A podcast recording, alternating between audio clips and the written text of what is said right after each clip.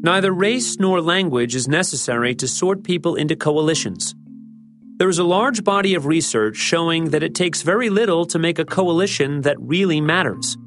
To establish group loyalty, to pit people against one another. The most famous studies here were developed independently by two European social psychologists. Muzafer Sherif was born in 1906 in Turkey and was as a young man nearly murdered by the Greek army. He later spent time in prison in the 1940s for his opposition to the Nazis. Henri Tajfel, born in 1919 in Poland, was a Jew who fought with the French against the Nazis and spent five years as a prisoner of war. To put it mildly, then, both men had personal experience with coalitions. Sherif and Tajfel were both interested in what it takes to form an us that clashes with a them. Now, one possible way of exploring this would have been to look at real world conflicts, but these reflect long and complex histories. An Israeli might hold many legitimate grievances against a Palestinian and vice versa. And Sherif and Tajfel wanted to determine the minimum that it takes to divide people. Instead of examining conflicts with long historical records, then, they each conducted experiments designed to create social divisions where none had previously existed. In 1954, Sherif invited 22 fifth graders, white middle class boys from what he described as established families, to attend a summer camp at Robbers Cave State Park in Oklahoma. The boys were split into two groups, each housed in a separate cabin. Neither group knew of the other's existence. During the first week of the camp, each group explored the area, played games, and had an all around good time. And each group named itself the Rattlers and the Eagles. Then the experimenters set up first contact. Sherif, who posed as the camp janitor to observe the interactions, noted that one of the boys, upon hearing but not seeing the other group, called them the nigger campers. The researchers arranged tournaments between the groups, and relations slowly went from cautious animosity to something quite a bit worse. These small societies began to emphasize their distinct customs. The rattlers would cuss, the eagles would take pride in their clean language. They made flags. They objected to eating together in the mess hall. They continued to use racial epithets, though everyone was white. It seems as if these terms were used as all purpose expressions for others. In written tests, the boys from each group said that members of their own tribe were stronger and faster than their foes. After the Rattlers won a few competitions, the Eagles stole their flag, set it on fire, and put up its charred remains. The Rattlers retaliated and destroyed their rival's cabin while the Eagles were at dinner. The Eagles won a tournament, and the Rattlers stole their prized trophy knives that had been given to them by the psychologists. Sherif then moved to the next phase of the experiment, which was figuring out how to bring the groups together. In other words, seeking world peace in a test tube. Many attempts, such as shared meals and shared movies, failed. But the researchers finally succeeded by introducing a problem that threatened both groups' existence a mysteriously cut water pipe.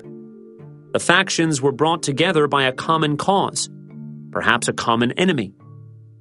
The Robbers Cave experiment demonstrated that you could create warring communities in a couple of weeks.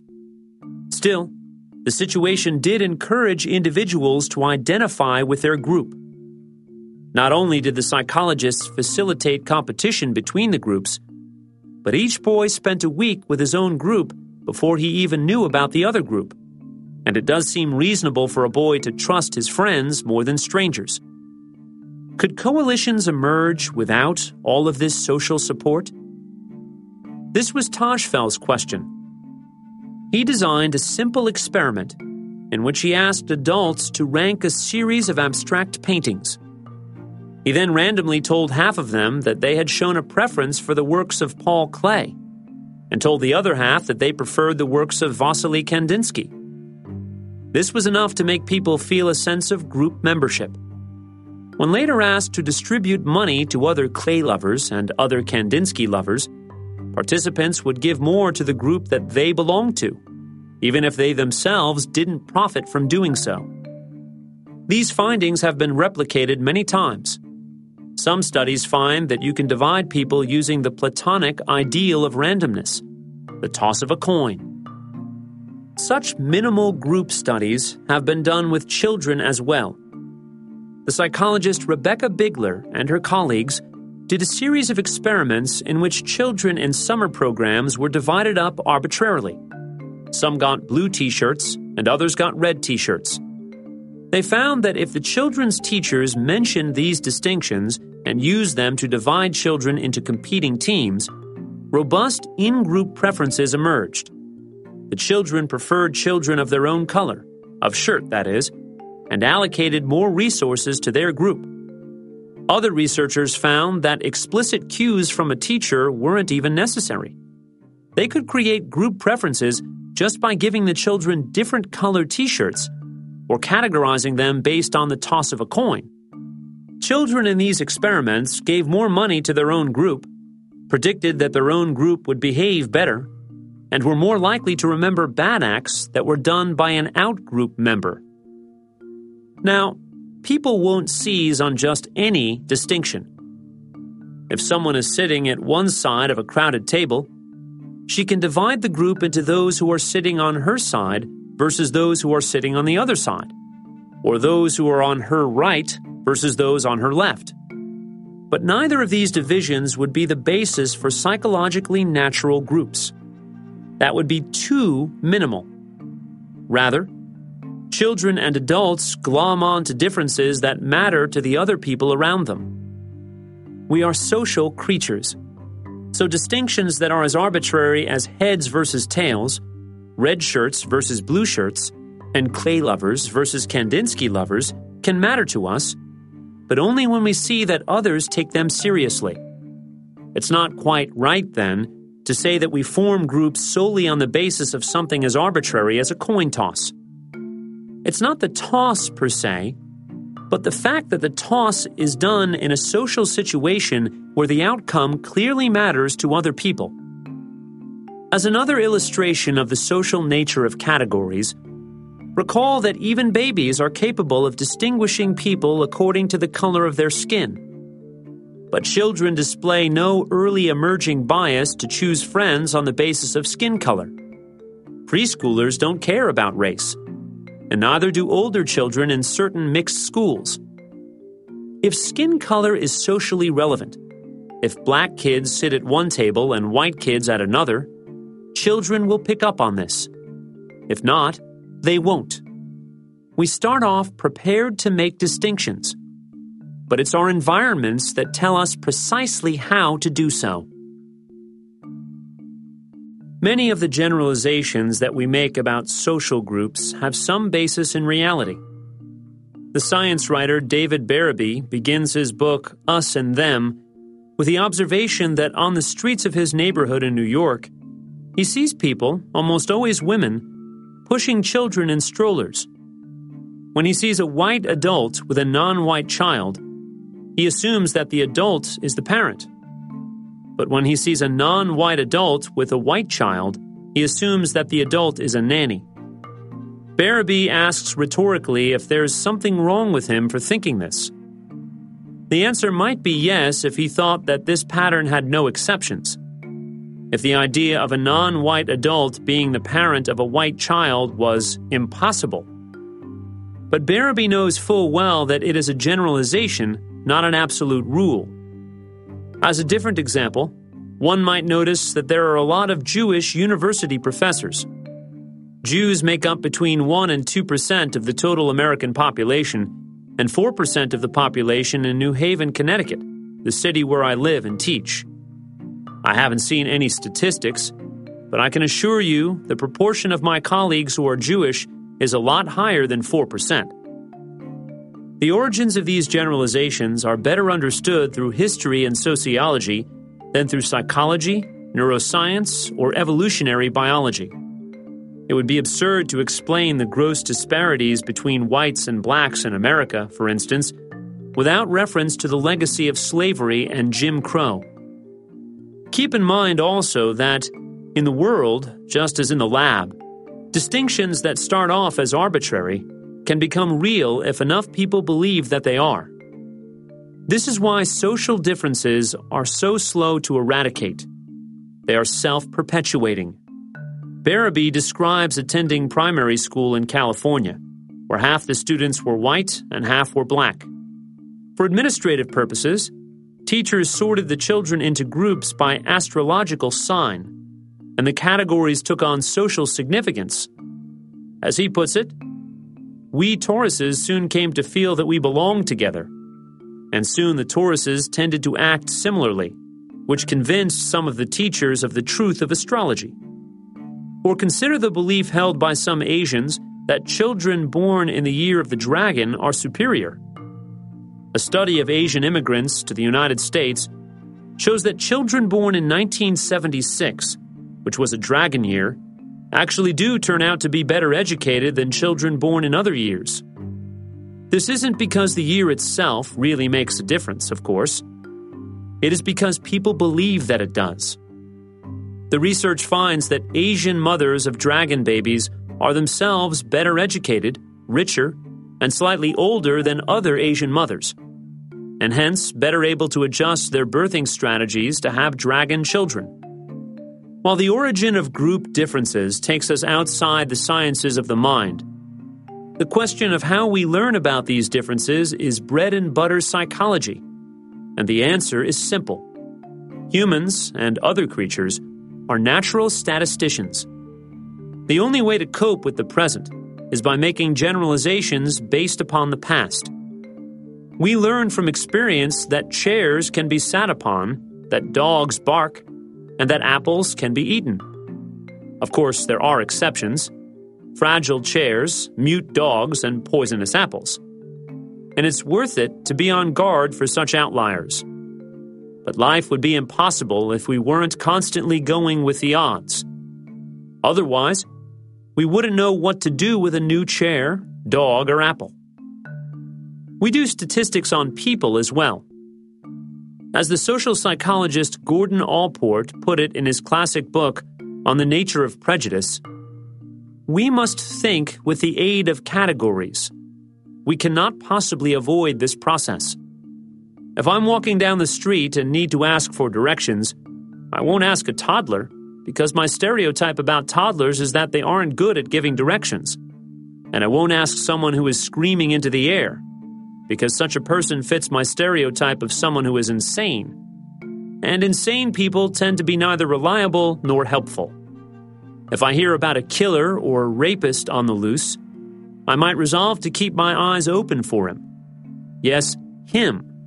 Because while it might be a woman, my intuitions are guided by the statistics. And indeed, various studies have found that when people are asked about athletic achievement, criminality, income, and so on, their stereotypes of racial and ethnic groups tend to be accurate. So, what's not to like?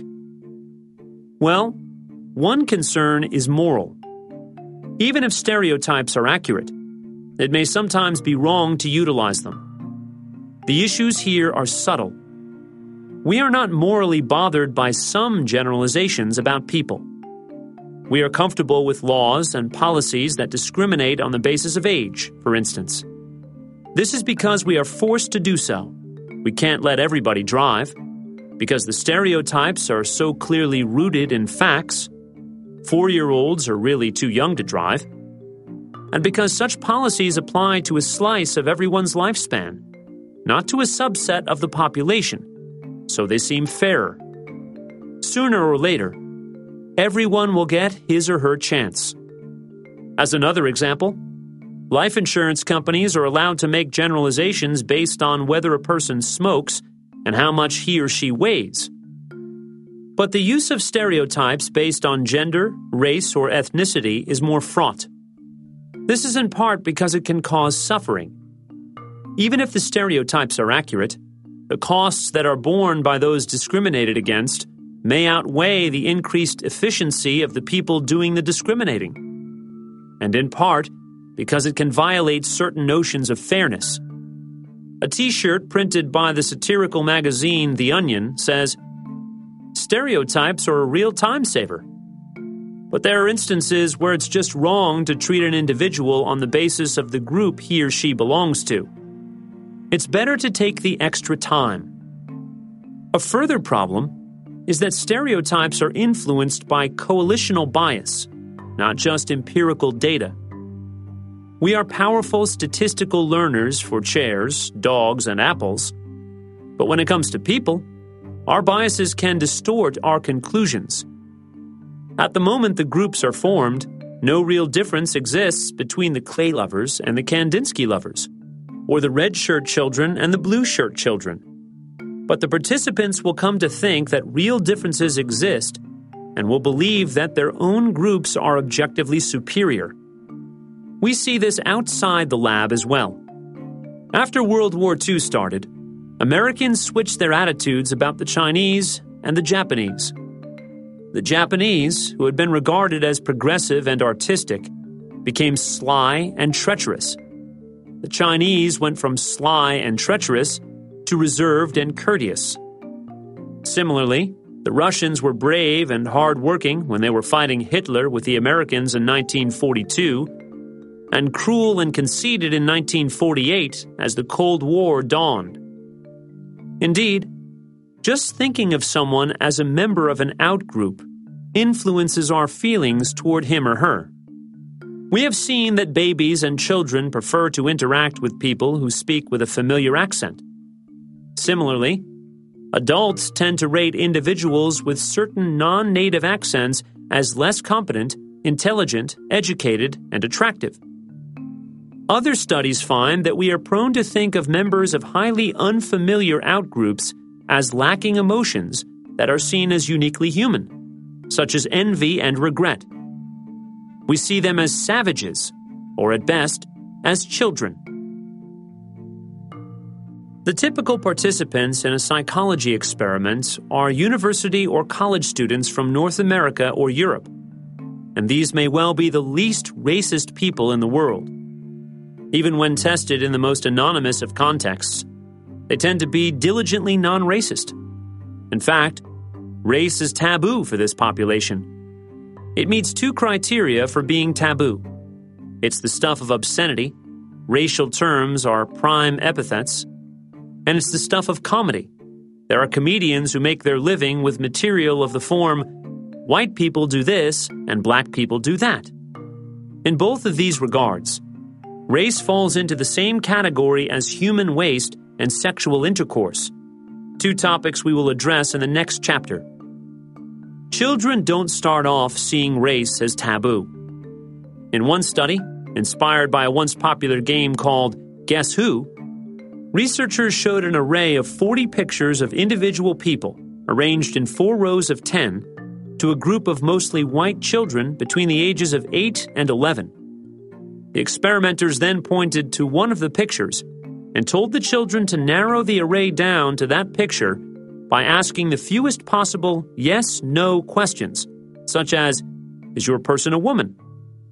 When all the pictures showed white people, 10 and 11 year olds did better than the 8 and 9 year olds, which isn't surprising. But when some of the pictures showed white people and others showed black people, the older children did worse because they avoided asking questions such as, Is your person white? They had reached the point in development at which there is a psychic cost to even mentioning race. Indeed, social psychologists find that many of their overtly non prejudiced white research subjects experience a pressing anxiety about appearing racist when interacting with blacks. It is one of the more interesting discoveries of psychology, then, that even the least racist people in the world have unconscious racial biases. A black face, flashed on a computer screen too fast to consciously perceive, tends to trigger thoughts of aggression among white subjects. They are more likely to complete a word fragment like H A blank E as H A T E, hate. Black male faces also tend to lead to greater responses in an area of the brain called the amygdala, which is associated with fear, anger, and threat, among other things. In the implicit association test, or IAT, most subjects are quicker to associate white faces with positive words like joy and black faces with negative words like horrible than to do it the other way around. These studies get a lot of play in the popular media, where they are sometimes portrayed as a means to flush out hidden racists. The worst example I ever saw was during an episode of the television show Lie to Me, where a crack team of psychologists and investigators uses a muddled version of the IAT to determine which of a group of firemen has committed a hate crime. They find that one firefighter is slower than the rest to associate positive words like principled with black faces, such as Barack Obama's, and this settles it. I'm not a racist, he later protests. His interrogator snaps back, You don't think you are. This is the sort of media depiction that makes social psychologists wince. Even if the firefighters were tested on the actual IAT, it wouldn't help ferret out the racist. These methods were developed to gather aggregate data about people's unconscious biases. They are not racist detectors. At the other extreme, some critics have argued that such findings tell us little about stereotyping and prejudice in the real world. Who cares about subtle measures such as reaction time, skin conductance, or the activation of the amygdala? But in fact, these measures correlate with considerations that really matter, such as how awkward someone is when interacting with someone from another race. Furthermore, the same implicit biases show up when people make real world decisions, such as whether to hire someone for a job or whether to assist someone who is crying out for help. This research illustrates how we can be at war with ourselves Part of a person might believe that race should play no role in hiring decisions, or even that racial minorities should get an advantage, while another part guides the person against choosing a black person. This tension can reflect a moral struggle. One's explicit view about what's right clashes with one's gut feelings. My bet is that a hundred years from now, we are likely to still reason in terms of human groups. We will keep some of our biases and hold to some of our prejudices. This is in part because group differences really do exist. For example, Americans often stereotype students from some Asian countries as being academically more successful than average. And indeed, Asian applicants to universities have higher than average SAT scores. Now, one can make it taboo to discuss this, or taboo for anyone other than Asians to discuss it. But absent brainwashing or mass hypnosis, you can't rewire people's brains to make their knowledge go away. And some such generalizations are likely to persist. The groups we view as races and ethnicities share similarities for some of the same reasons that the groups we view as families do. Just as members of an immediate family share genes that make them more likely to have certain distinctive traits, so do members of larger human groups that are collections of families. Most of all, people who live together, families or collections of families, will come to share certain properties over time.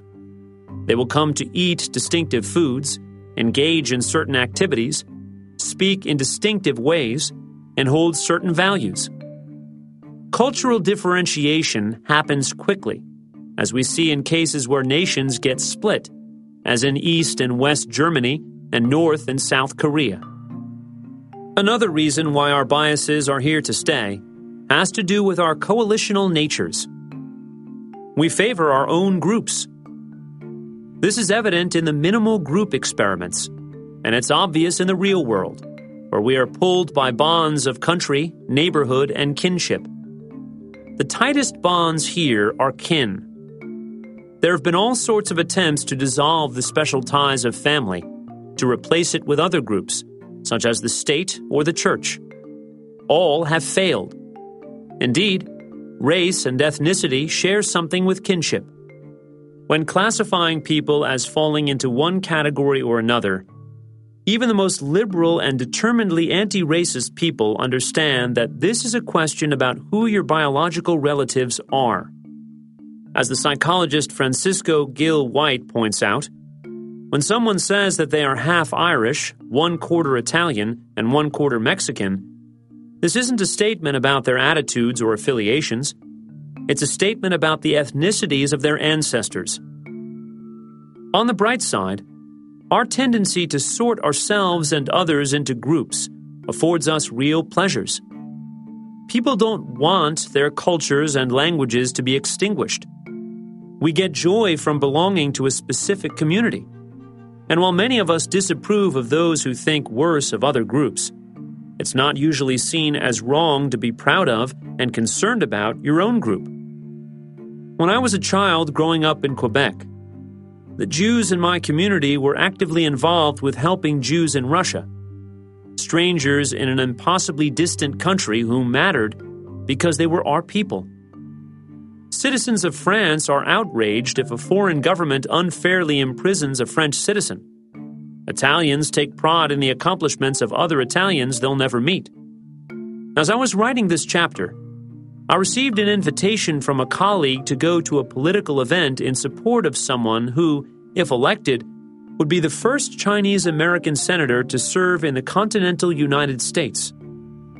Are you surprised to hear that the person who sent the invitation is herself Chinese American? Even those who are fiercely opposed to religion and nationalism will seek out the joys of community in other ways, through their immediate family, or their circle of friends, or their professional community. Now, seeing oneself as part of the community of psychology professors, to take a random example, might differ from seeing oneself as a Catholic or a Greek or an American. But one still experiences the same feelings of warmth, pride, and belonging. Berreby goes so far as to call our focus on human groups one of the natural founts of human imagination and creative pleasure. One might object that the benefits of our parochial nature can never outweigh its costs. For every in group, there is an out group, and that's where the trouble lies. We would have no Holocaust without the Jews and Germans, no Rwandan massacre without the Tutsis and Hutus. Still, it's not clear whether there is any alternative to dividing humanity into groups. Nobody knows whether a truly universalist ethic is humanly possible, whether we can be truly indifferent to ties of culture, country, or blood and still be good and decent people. The philosopher Kwame Anthony Appiah notes that even engagement with distant strangers is always going to be engagement with particular strangers. And the warmth that comes from shared identity will often be available. American Christians will send money to fellow Christians in the Sudan. Writers will campaign for the freedom of writers around the world. Women in Sweden will work for women's rights in South Asia, and so on. Appiah cites Cicero on this point. Society and human fellowship will be best served if we confer the most kindness on those with whom we are most closely associated. Also, we can use our intelligence to override our coalitional biases when we feel that they have started to run amok. We create treaties and international organizations aimed at protecting universal human rights. We employ procedures such as blind reviewing and blind auditions that are designed to prevent judges from being biased, consciously or unconsciously, by a candidate's race, or anything other than what is under evaluation. We establish quota systems and diversity requirements to ensure sufficient representation by a minority group, taking the decision out of the hands of individuals who have their own preferences and agendas. My point isn't that the solutions listed above are the right ones. Indeed, they can't all be right, since they conflict with one another. Race blind admission processes for a university ignore race Quotas and diversity requirements explicitly take race into account. Rather, The point here is that we can engineer certain situations with the help of custom and law to eradicate bias where we think that bias is wrong. This is how moral progress happens more generally. We don't typically become better merely through good intentions and force of will, just as we don't usually lose weight or give up smoking just by wanting to and trying really hard. But we are smart critters, and we can use our intelligence to manage our information and constrain our options, allowing our better selves to overcome those gut feelings and appetites that we believe we would be better off without. This is how we cope with our natural propensity to favor our own group over others. But it turns out that there are even uglier aspects of our natures that we need to overcome. Chapter 5 Bodies Disgust is a powerful force for evil. If you want to exterminate or marginalize a group, this is the emotion to elicit. The chemist and writer Primo Levi tells how the Nazis denied Jewish prisoners access to toilets and the effect that this had. The SS escorts did not hide their amusement at the sight of men and women squatting wherever they could, on the platforms and in the middle of the tracks, and the German passengers openly expressed their disgust. People like this deserve their fate. Look at how they behave. These are not mentioned human beings, but animals. It's as clear as day. Now, one needn't actually make others disgusting to trigger such a response. The more usual method is to use the power of the imagination. You can tell stories about how filthy certain people are and how bad they smell. Voltaire said of the Jews, these people were so negligent of cleanliness and the decencies of life that their legislators were obliged to make a law to compel them even to wash their hands.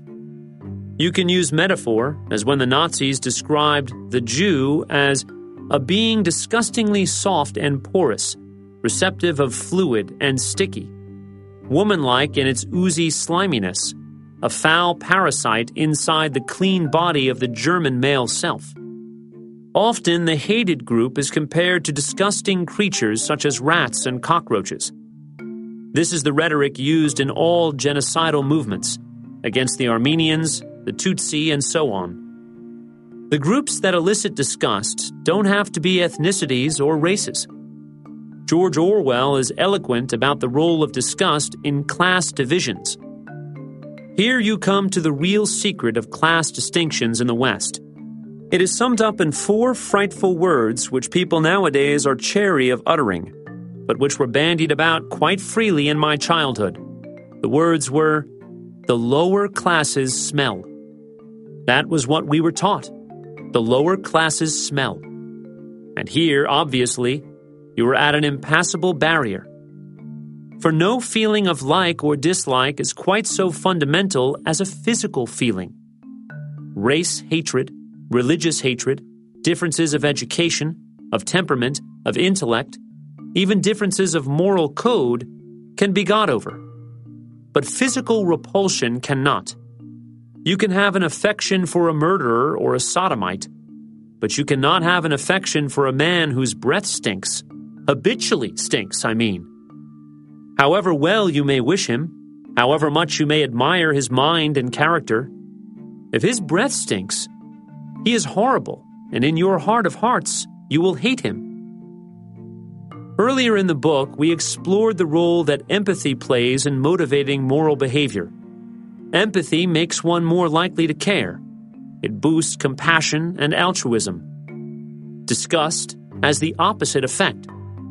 It makes us indifferent to the suffering of others and has the power to incite cruelty and dehumanization. It is easy to conjure up the feeling of disgust. Imagine opening a food container, sniffing deeply, and discovering that it is hamburger gone bad. Most people would get a certain feeling that includes a flash of nausea. This feeling is accompanied by a special facial expression, a yuck face, nose scrunched, mouth shut, tongue pushed forward, and a distinctive motivation get that away from me. You don't want to smell it, you don't want to touch it, and you certainly don't want to eat it. Certain objects, substances, and experiences reliably elicit this reaction. Paul Rozin, the preeminent researcher on the topic of disgust, has developed a scale to measure people's disgust sensitivity. Here are some items that Rozin and his colleagues asked subjects to evaluate. Just how disgusting do you find these experiences? You see a bowel movement left unflushed in a public toilet. Your friend's pet cat died, and you have to pick up the dead body with your hands. You see a man with his intestines exposed after an accident. While you are walking through a tunnel under a railroad track, you smell urine. Your mileage may vary. When I read these aloud in classes and presentations, some people wonder what the fuss is about. Others gag. One student in a large introduction to psychology class ran out of the lecture hall when I showed these sentences on a PowerPoint slide. Rozin and colleagues have found that people's disgust sensitivity ratings predict how willing they are to actually engage in disgusting activities such as picking up a cockroach or touching the head of a freshly killed pig. Through experimental research and cross cultural observation, we know that people everywhere are repelled by blood, gore, vomit, feces, urine, and rotten flesh. These evoke what Rozin dubs core disgust. Unfortunately for us, these substances are also the stuff of life. As the title of a well known children's book says, everybody poops.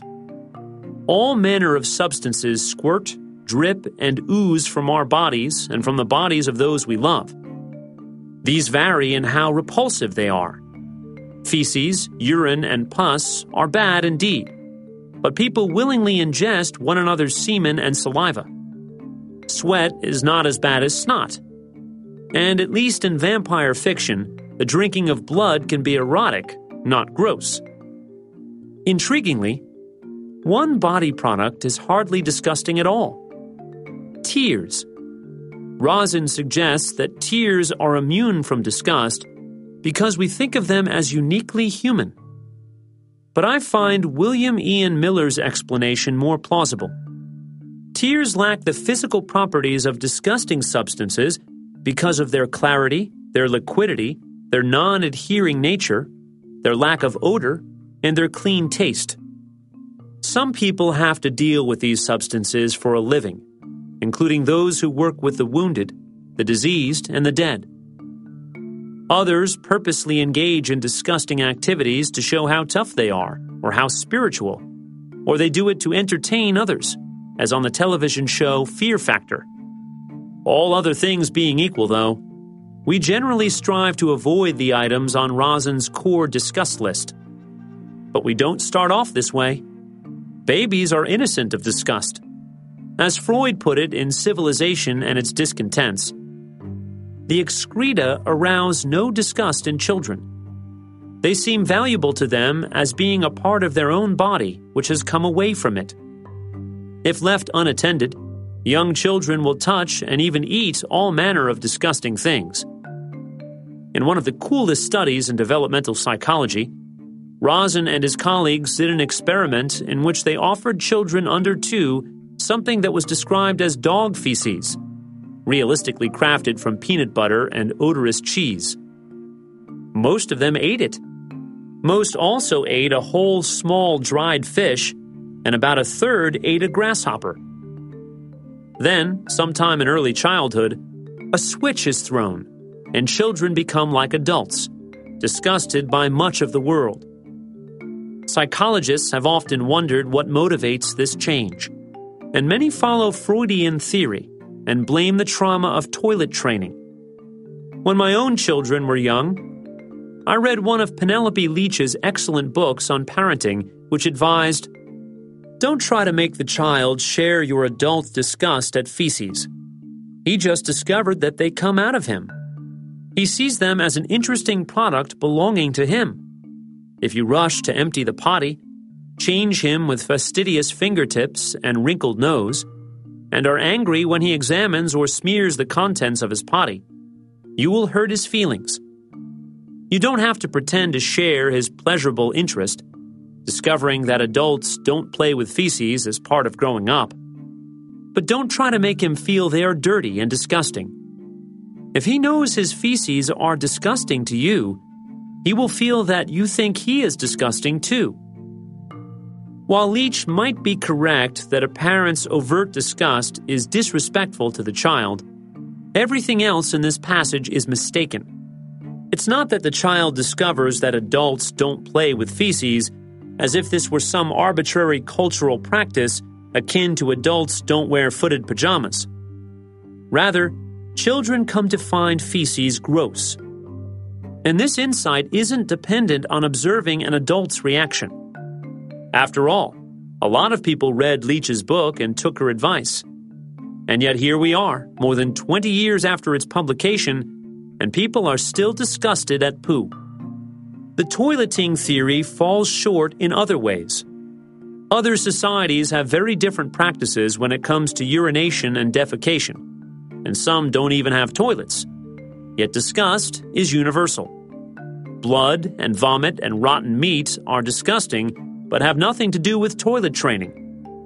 And even if it were true that children find their body products gross only because adults find them gross, this would only push the question back why do adults respond that way? A more plausible theory is that core disgust serves an adaptive purpose. According to this theory, disgust isn't learned but rather emerges naturally once babies have reached a certain point in development. There is some sense to this timing. If disgust kicked in too early, babies would be disgusted all the time at their wastes and wouldn't be able to do anything about it. Natural selection wouldn't be that needlessly cruel. If disgust is an adaptation, what is it an adaptation for? The most popular explanation is that disgust evolved to ward us away from eating bad foods. Indeed, the English word itself derives from the Latin meaning bad taste. This theory has much to support it. First, as Darwin observed, the distinctive facial expression of disgust corresponds to the acts of trying not to smell something, blocking access to the mouth, and using the tongue to expel anything already within. It's no accident that we don't open our mouths wide when disgusted. Indeed, the yuck face is the same expression one gets when actually retching, and this may be its origin. Second, the feeling of nausea associated with disgust serves to discourage eating. Third, our disgust reactions can be triggered by thoughts of eating the wrong foods. As Darwin put it, with perhaps a bit of Victorian exaggeration, it is remarkable how readily and instantly retching or actual vomiting is induced in some persons by the mere idea of having partaken of any unusual food, as of an animal which is not commonly eaten. Fourth, even controlling for an overall increase in the rate of nausea. Pregnant women are exceptionally disgust sensitive during the same period that the fetus is most sensitive to poison. Fifth, the anterior insular cortex, which is implicated in smell and taste, becomes active when people are shown disgusting pictures. Disgust cannot be entirely hardwired, of course, because people vary considerably in what disgusts them. The idea of eating rat, beetle, or dog makes me gag. But people raised in some societies find these foods perfectly yummy. Some learning must take place then, a conclusion that is consistent with the bad foods theory of disgust. Humans face what Rozin has dubbed the omnivore's dilemma. We eat a huge range of foods, but some of them can kill us so we need to learn what we can and cannot eat in a local environment. In the course of this learning, food, and particularly meat, is guilty until proven innocent. Nobody ever told me that it is gross to eat fried rat. I find it gross because during the critical period of childhood, people around me never ate it. Some have argued that the food based theory is incomplete and that disgust has evolved to warn us away from pathogens and parasites more generally. The anthropologist Valerie Curtis and her colleagues surveyed more than 40,000 people from 165 countries over the internet to find out what images disgusted them. They found that pictures indicating potential disease were rated as particularly gross.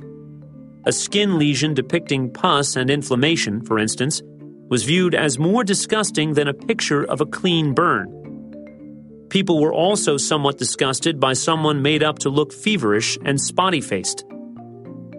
This theory also captures why the smell of an unwashed stranger can be so repulsive. Being unclean is a sign of disease. Charles Darwin, always an astute observer of human nature, tells the story of his own disgust.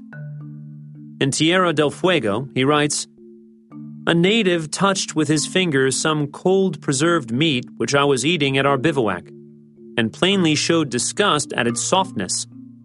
Whilst I felt utter disgust at my food being touched by a naked savage, though his hands did not appear dirty. People can be disgusting. If it's true that disgust evolved in part to prevent disease, then the disgustingness of people follows naturally. We are disease vectors. But we are disgusting in a more basic way. We are fleshy things, and we are associated with all of the substances that elicit core disgust. Inter faeces et urinum nascimur, in the words of St. Augustine. We are born between urine and feces. Disgust may be morally neutral when elicited by a dead rat or a puddle of vomit. But disgust at our fellow human beings is more troubling. Now, Disgust is not identical to repulsion or hatred. You can hate someone who doesn't disgust you at all in a visceral sense, though there is often the temptation to use the rhetoric of disgust toward those we despise. He makes me sick. And you can feel disgust without hatred, repulsion, or any sort of negative feeling at all. Changing your child's diaper or cleaning up her vomit might be revolting, but it doesn't make you hate your child. Still, disgust ups the odds. To be grossed out by someone is, other things being equal, to be repelled by him. Disgust is the opposite of empathy. Just as empathy leads to compassion in many, but not all, circumstances, disgust usually, but not always, leads to repulsion. Empathy triggers an appreciation of another's personhood. Disgust leads you to construe the other as diminished and revolting, lacking humanity. Experimental research shows that feelings of disgust make us judge others more harshly. In the first experiment along these lines, the psychologists Talia Wheatley and Jonathan Haidt hypnotized participants to feel a flash of disgust whenever they saw an arbitrary word. When the participants later read stories of a mild moral transgression, those who saw the word rated the behavior as more immoral than those who didn't.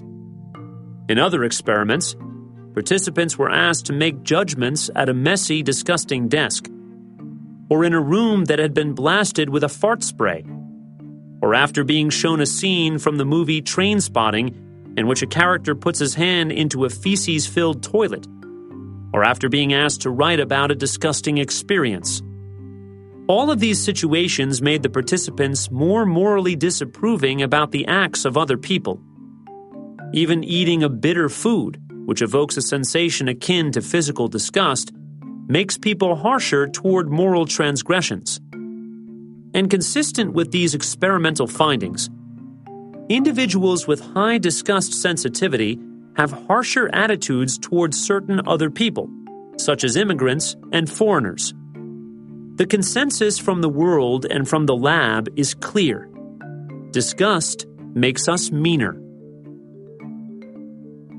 Sexual practices are part of Rozin's disgust scale.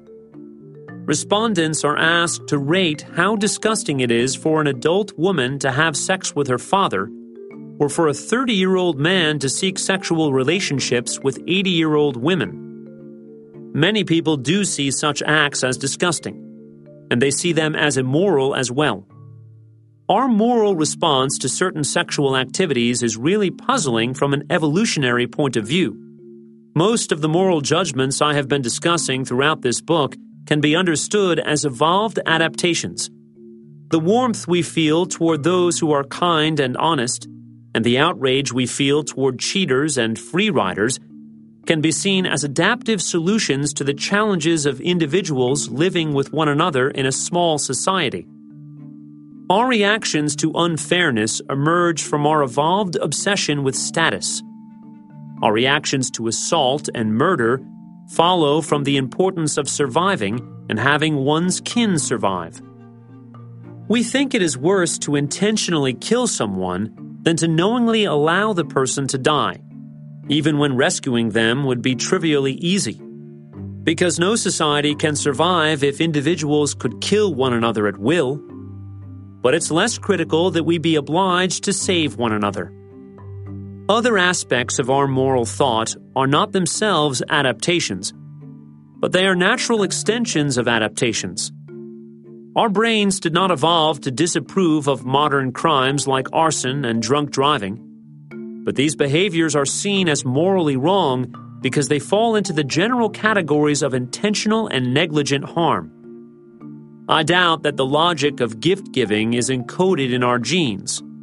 Rather, our intuitions about what's appropriate to give and our feelings of gratitude or disappointment can be explained, at least in part, in terms of evolved concerns about status, respect, and reciprocity. But sexual morality is different. Yes, it's easy enough to see how any creature that reproduces through sex would evolve a desire to engage in sexual intercourse along with a desire to avoid certain sex acts that either don't lead to reproduction, such as sex with non human animals, or don't lead to the right sort of reproduction, such as sex with parents, siblings, or one's adult sons or daughters. The mystery for moral psychologists isn't why we would engage in certain types of sex while avoiding other types. It's why we should be so concerned with the sex that other people are having. For example, sexual intercourse between two people of the same sex is forbidden in much of the world and is sometimes punishable by death.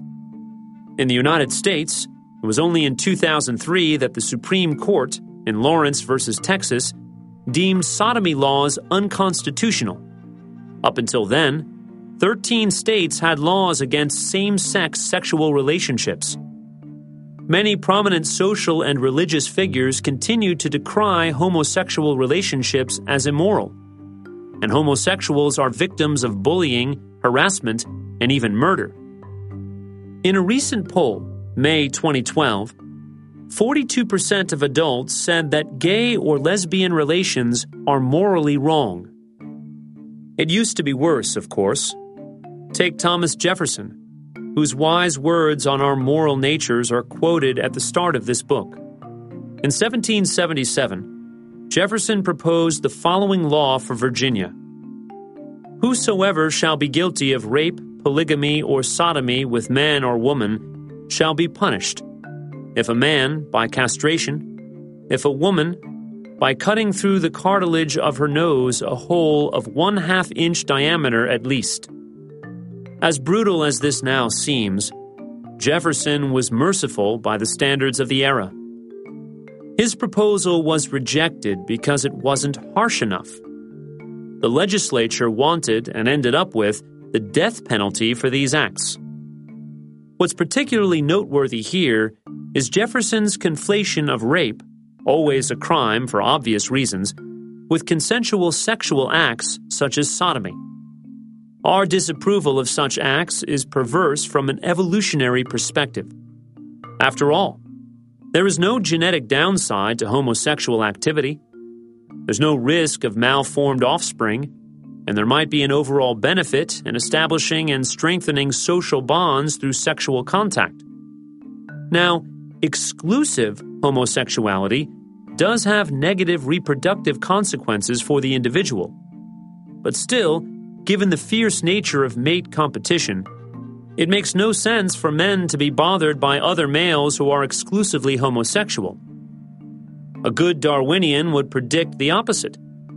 Men who have sex with one another, or who devote themselves to any other harmless non reproductive activity instead of trying to impregnate women, are pulling themselves out of the mating market, giving every other male a relative advantage. Male homosexuals should inspire gratitude, not disapproval. Women should be the only ones bothered by male homosexuals, just as men should be the only ones bothered by female homosexuals. So much the worse for evolutionary explanations, then.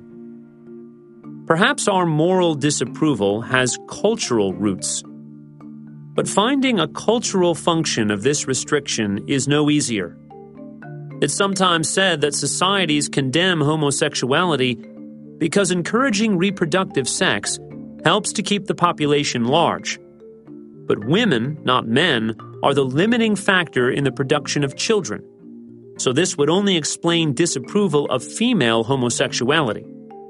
Indeed, given the emphasis through human history on controlling the sex lives of women, one would have predicted that lesbians would be the sole focus of moral censure, not gay men. Incest is another sexual behavior that is condemned in just about every culture.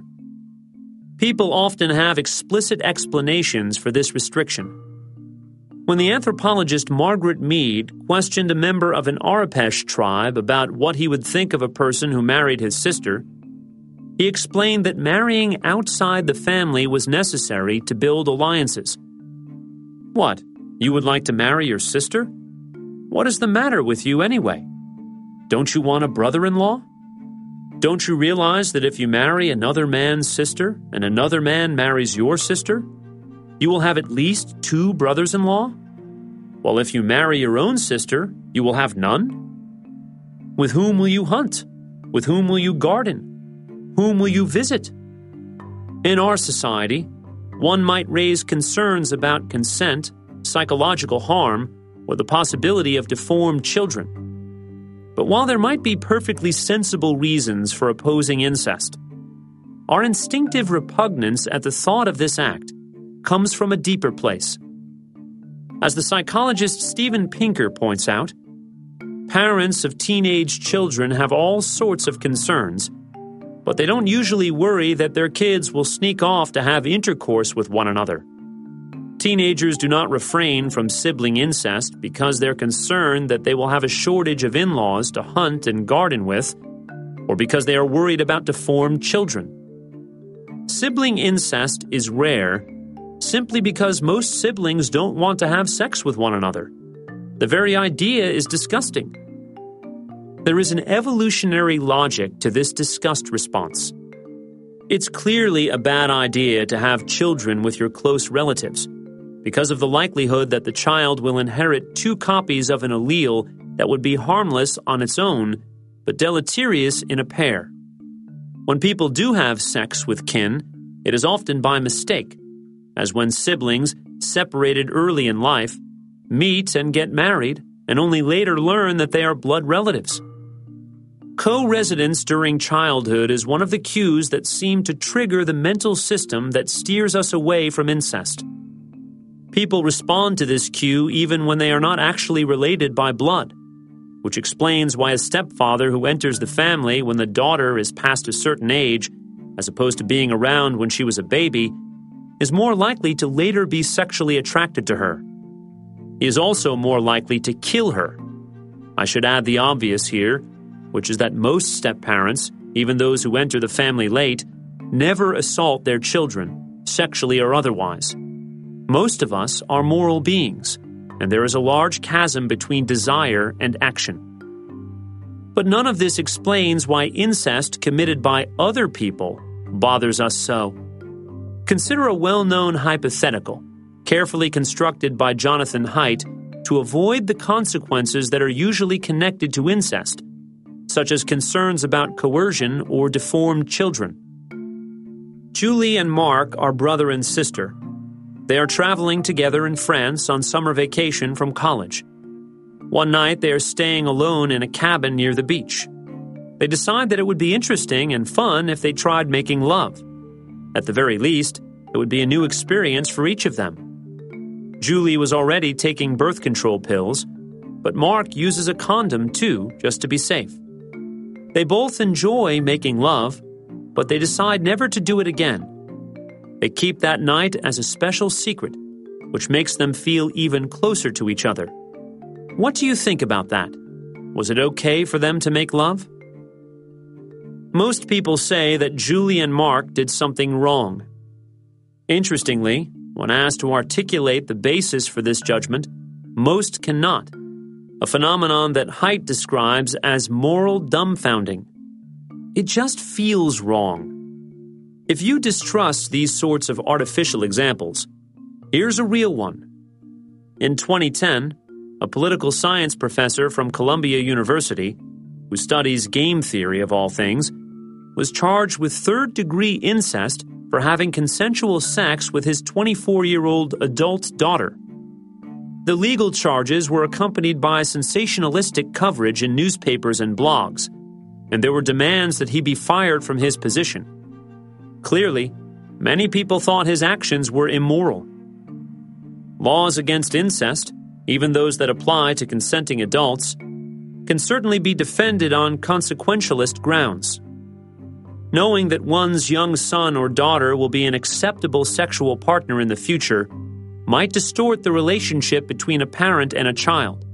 More generally, sexual relationships might be incompatible with the special ties that hold between certain blood relatives, even as adults so society might be better off if such relationships are not permitted. But these concerns were probably not the source of many people's disapproval of the professor. Rather, his activity grossed them out. It was seen, in the words of the New York Daily News, as a sick sexual relationship. There might be good reasons to ban consensual incest, but we wouldn't be so quick to come up with these reasons if we weren't already disgusted by the idea in the first place. I don't think it is a coincidence that the sex acts that we disapprove of are the very same ones that we think of as disgusting. Rather, disgust is part of the solution to the problem of sexual morality. Disgust is our natural default towards certain sex acts, and, as we have seen, Disgust triggers repulsion and rejection. The psychologist Nilanjana Dasgupta and her colleagues found that viewing disgusting images led to more negative implicit attitudes toward homosexuality. While a study that I did with the psychologists Yoel Inbar and David Pizarro found that exposing people to a bad smell, a fart spray, made them report less warmth toward gay men. This predicts that an individual's disgust sensitivity should be related to his or her attitudes about sexual behavior.